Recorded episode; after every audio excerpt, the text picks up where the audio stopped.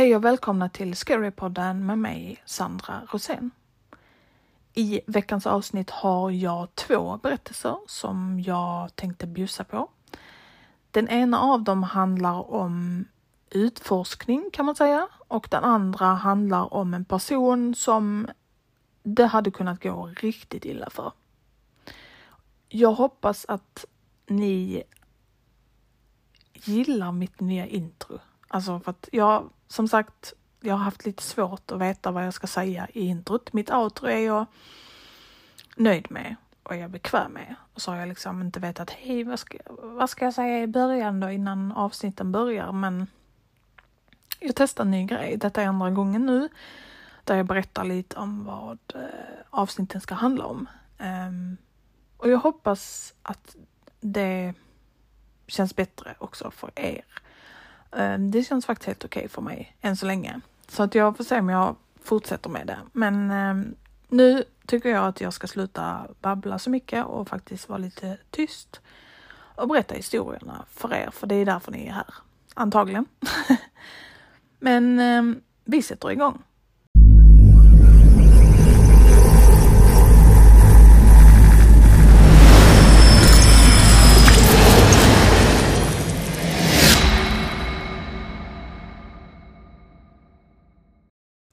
Jag och mina vänner gjorde ett misstag förra helgen.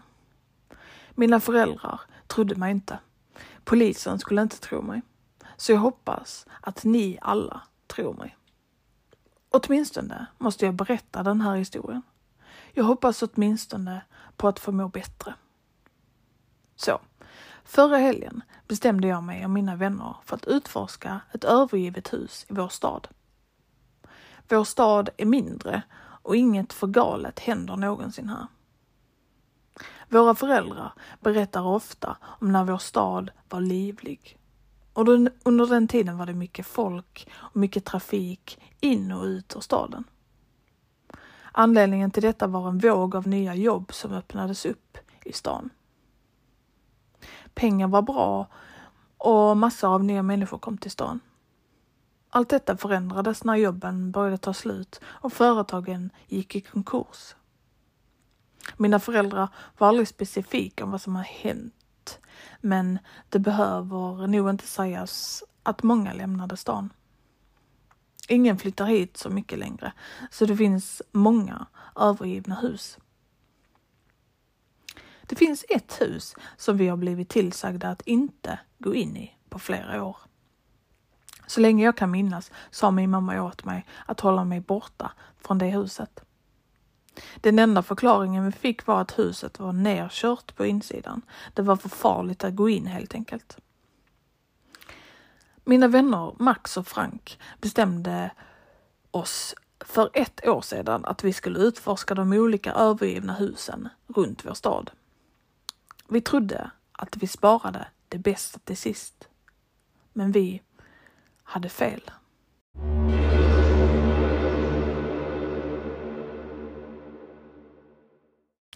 Efter skolan träffade jag mina vänner och vi gick för att umgås hemma hos Frank.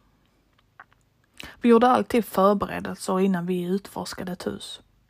Den här gången bestämde vi oss för att ha lite extra utrustning på grund av vad vi hade hört om huset. Max, han var inte så exalterad över att gå till det där huset, men han var vänlig nog att ta med sig sitt skissblock och en videokamera. Max skissade hela tiden på spännande saker som vi hittade i hemmen. En gång så ägnade han en timme åt att rita några lådor som vi inte kunde öppna. Den lördagen gjorde vi oss redo att be oss ut. Alla våra förnödenheter var packade. Vi planerade till och med att gå ut och äta efteråt. Så vitt Franks mamma visste skulle vi vara ute hela natten och kampa. Planen var att vara i huset i minst tre timmar, gå ut och äta och komma tillbaka med någon ursäkt. Det var inte den mest solida planen, men vi tänkte inte så långt. Så vitt vi visste skulle det vara som alla andra gånger. Huset låg inom gångavstånd. I mörkret verkade det skymta över oss. Silhuetten stack ut mot de andra husen i området. Detta hus hade fyra våningar och var mycket större än de andra husen. Att ta sig runt staketet var halvlätt. Vi var tvungna att hålla en kedja öppen och slinka in genom grinden.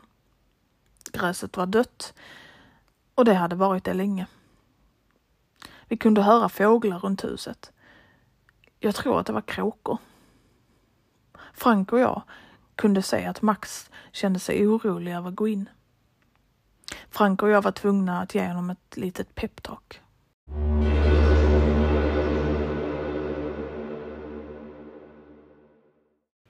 När vi väl kom upp för trappan var jag den första som öppnade dörren. Vi använde en kofot. Jag gav tillbaka den till Max innan jag gick in. Insidan av huset fick lysas upp av våra ficklampor. Strömmen var fortfarande avstängd. Åtminstone på övervåningen.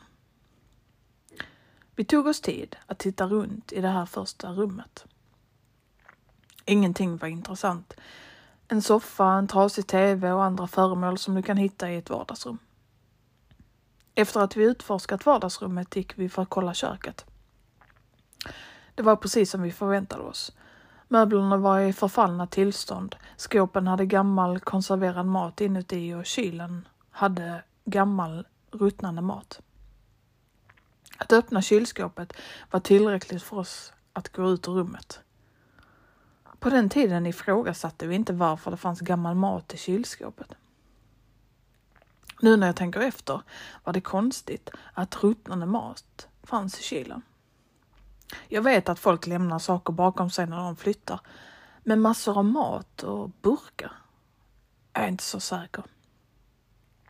Vi hittade två badrum på nedervåningen och en matsal när vi tittade runt i huset. Återigen, ingenting var intressant att se här. Varje rum på första våningen var tråkiga. Max började bli sur. Han kände sig inte längre orolig. Nu ville han utforska huset mer.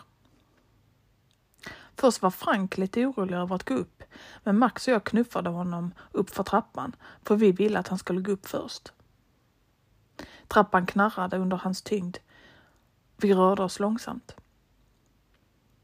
Området på övervåningen hade två sovrum, ett badrum och tre tomma rum. De tomma rummen hade matchande vita väggar och en vit matta. Jag var ärligt talat äcklad över hur mattorna såg ut. Jag satte min fot inne i ett av rummen och tryckte på mattan. Det var helt blött.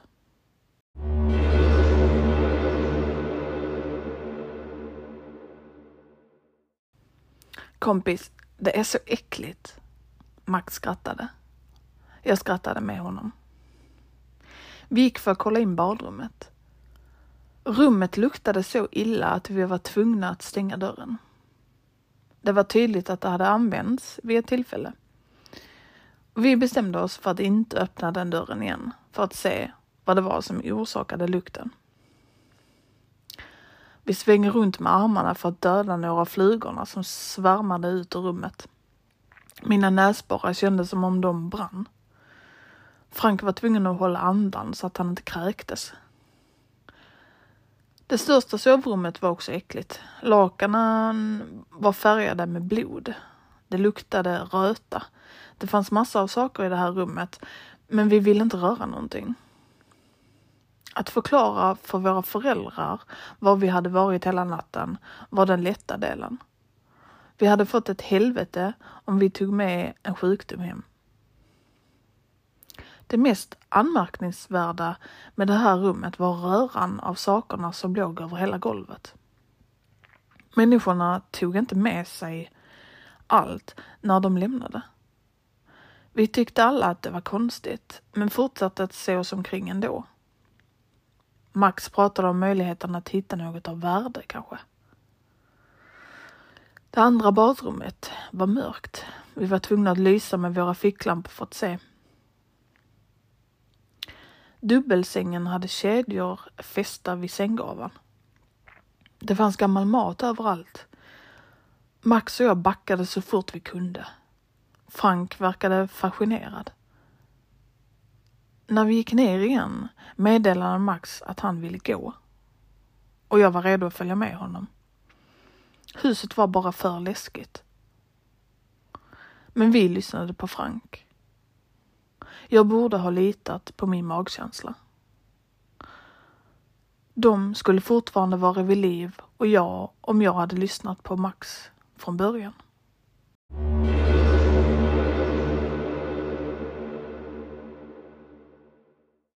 Vi bestämde oss alla för att ge källaren högst 20 minuter. Att ta sig ner dit var ingen lätt uppgift. Trappan kändes som om den skulle ge vika när som helst. Till skillnad från resten av huset var källaren upplyst. De blå ljusen räckte för att lysa upp för oss när vi gick ner för trappan. Vi var på väg ner i galenskapen, till något vi inte kunde se. Min mage såg åt mig att vända om. Jag lyssnade inte. När vi kom längre in i källaren började väggarna förändras. De var inte längre gjorda av trä. De var finare nu. Max knackade på väggen och sa att de troligen var gjorda av metall. Frank pratade om hur konstigt det var att den här delen av huset hade ström. Jag sa till Frank att den måste ha en generator eller något. Jag kunde känna håret i min nacke resa sig när vi gick runt det första hörnet. Det var då vi hörde det för första gången. Gråtandet. Max han trodde att det var någon som var i fara. Jag har aldrig sett honom röra sig så snabbt. Han sa att vi kunde hjälpa dem. Men Frank hade andra idéer. Han ville gå upp igen och ringa polisen. Men vi lämnade inte Max. Vi jagade honom. Källaren var som en konstgjord labyrint. Det kändes som om vi sprang i timmar, men egentligen var det ungefär 15 minuter. Max kontrollerade varje rum vi passerade efter gråten. När han öppnade den femte dörren verkade världen sakta ner runt mig. Det var som att mitt sinne gick i slow motion.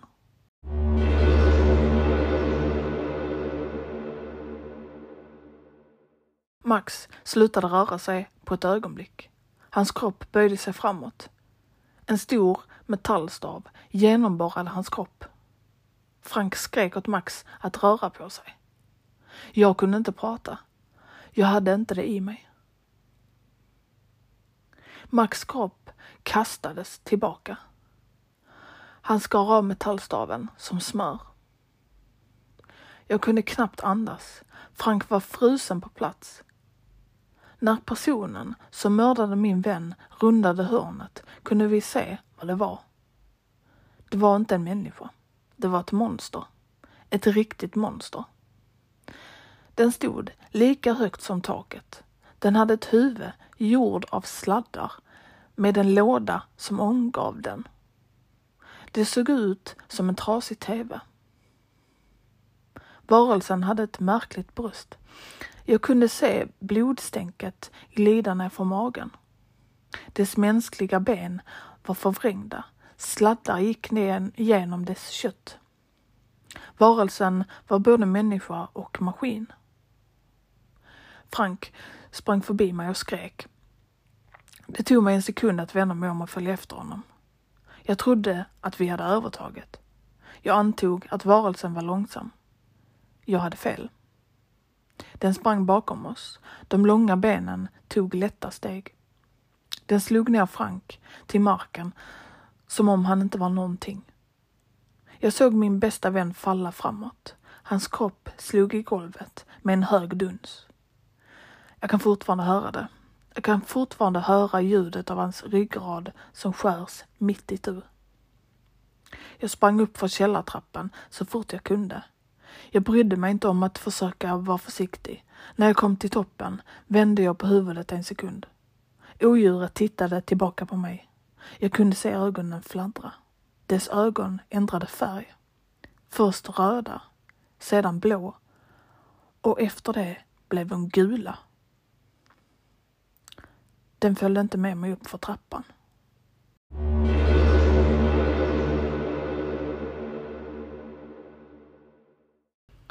Jag sprang ut ur huset skrikande. Jag skrek så högt jag bara kunde. Det kändes som sandpapper i halsen. Mitt hjärta kändes som att det skulle explodera när som helst.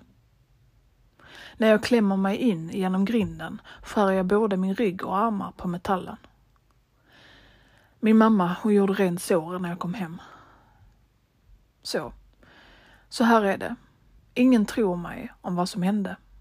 Jag berättade om huset, om Max och Frank. Jag berättade sanningen. Polisen sa till mig att det inte fanns något monster i det huset. De sa också att de aldrig hittat några kroppar. Jag gick tillbaka till Franks hus. Det var tomt. Hans föräldrar var borta. Efter det kollade jag i Max hus och hittade även det tomt. Mina föräldrar förnekar att jag någonsin haft vänner som heter Max och Frank. Jag har blivit tillsagd att inte prata om det som hände. Min mamma sa åt mig att hålla mina galna tankar för mig själv. Jag kunde se det bakom hennes ögon. Hon ville berätta sanningen för mig. Min mamma sa till mig att jag borde ha lyssnat på hennes berättelse om stadens historia. Jag sa till henne att jag var villig att lära mig. Jag heter Danny. Jag hade två bästa vänner som heter Frank och Max. Resten av samhället målar ut mig som en galen unge som har tagit för mycket droger. Mina föräldrar berättar för mig att det jag såg var falskt. Det säger till mig att jag är galen. Men jag vet sanningen och mina vänner kommer inte att glömmas.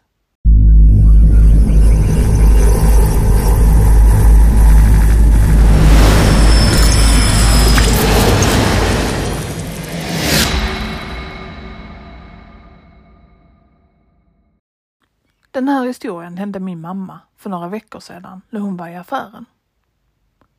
Det skakar om henne än idag när hon återberättar det eller tänker på det.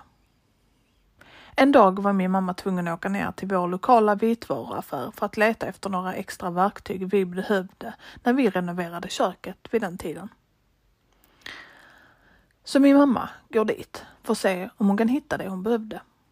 Efter att ha stigit ut ur sin bil och nästan var vid entrén märker hon i sitt periferi att någon följde efter henne i närheten. Hon tänkte inte så mycket på det först och trodde att det var en annan person som hade bråttom att komma in och ut ur butiken, precis som hon. Min mamma fortsätter att gå igenom butiken och kan fortfarande se att någon står inte långt från där hon var. Hon bestämde sig för att vända sig om av nyfikenhet för att se vem det var och märkte att det var en man som såg ut att vara antingen 50 eller närmare 60 år. Min mamma hade fått en ordentlig titt på mannen och kunde direkt säga att mannen inte hörde hemma i butiken. Han hade slitna kläder som definitivt sett bättre dagar och hade ett galet uttryck i ansiktet. Min mamma hade fått ögonkontakt med mannen i några sekunder och bestämde sig för att gå ifrån honom så snabbt som möjligt.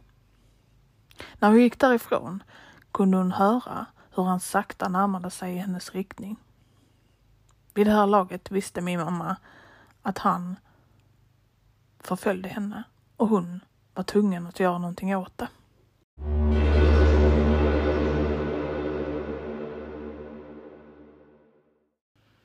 Hon fortsatte gå iväg i normal takt för att inte få mannen att tro att någonting var fel. Hon gick till en annan gång för att se om han skulle följa efter henne. Eller om allting bara var en slump. Men det visade sig att det inte var en slump. Min mamma, hon gjorde det här några gånger till. Och vilken del av butiken hon än gick till följde den här mannen efter henne och gick så småningom för att hitta en anställd för att berätta om sin situation. Mannen ser att hon pratade med en anställd och gick snabbt därifrån. Den anställde försäkrade min mamma att de skulle få några att prata med honom och att hon inte behöver oroa sig. Min mamma kände sig lättad efter detta och den anställde skulle varna andra anställda om den obehagliga mannen i butiken. Under resten av tiden hon var där såg min mamma inte mannen någonstans i butiken. Efter att hon köpt färdigt det hon behövde lämnade hon affären och gick direkt till sin bil. Min mamma var inte ens ute ur butiken mer än tio minuter när hon genast fick en dålig känsla. Hon tittar till höger om henne och ser då samma jäkla creep från tidigare. Min mamma visste att hon måste komma bort från den här mannen och snabbt. Så hon började rusa mot sin bil. Mannen började sedan följa efter henne i bakgrunden igen. Min mamma hade minst 200 meter kvar tills hon var vid bilen. Hon hade också en skrämmande insikt på väg till sin bil. När min mamma ökade farten gjorde han det också. När hon saktade ner eller stannade så gjorde han likadant. Den här killen försökte sitt bästa för att matcha min mammas fotsteg så att hon inte kunde höra honom smyga sig på henne. Det var vid den här tiden som min mamma började be att den här killen skulle tappa intresset eller att hon skulle kunna fly från honom på något sätt.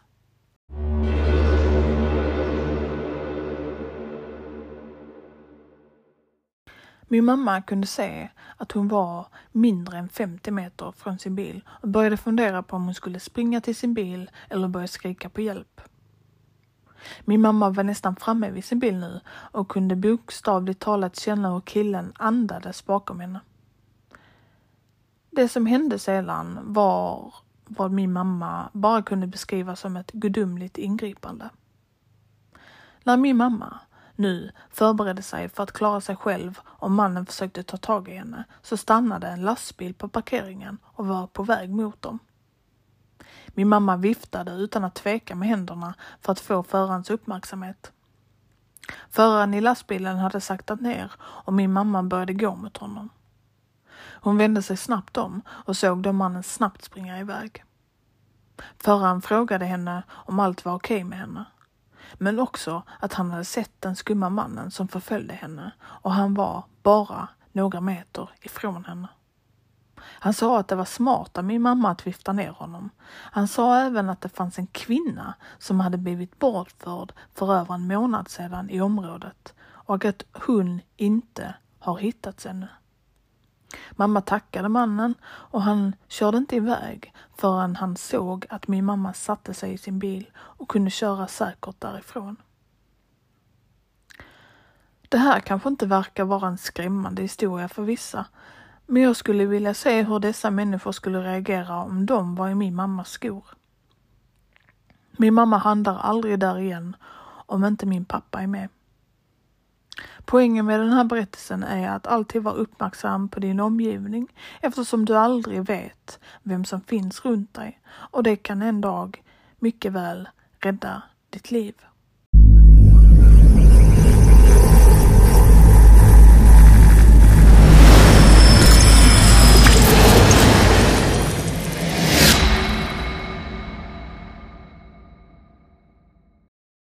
Och det var veckans historier som jag hade för er. Vad tyckte vi? Det kan vi prata om på Facebook där jag heter Skådepodden Eftersnack. Man kan också följa mig på Instagram där man också kan skriva vad man tyckte. Där heter jag också Scarypodden. Och har man varit med om någonting själv som kanske är övernaturligt, du inte kan förklara det, det kan vara vad som helst, eller om du har skrivit en egen berättelse som du vill att jag ska ta upp så får du jättegärna lov att mejla det till mig på scarypodden hotmail.com.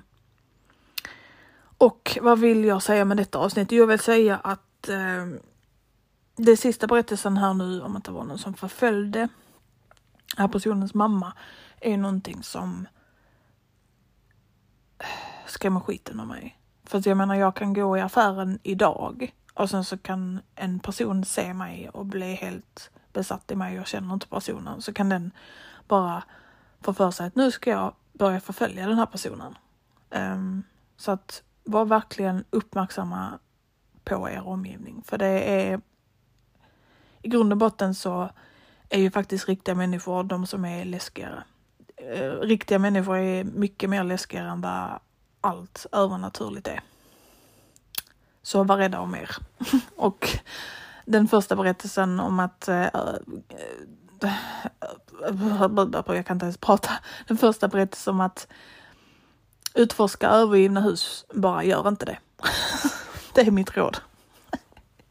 Gör inte det bara. Men om inget annat händer så hörs vi igen nästa vecka. Och tack för att just du lyssnade.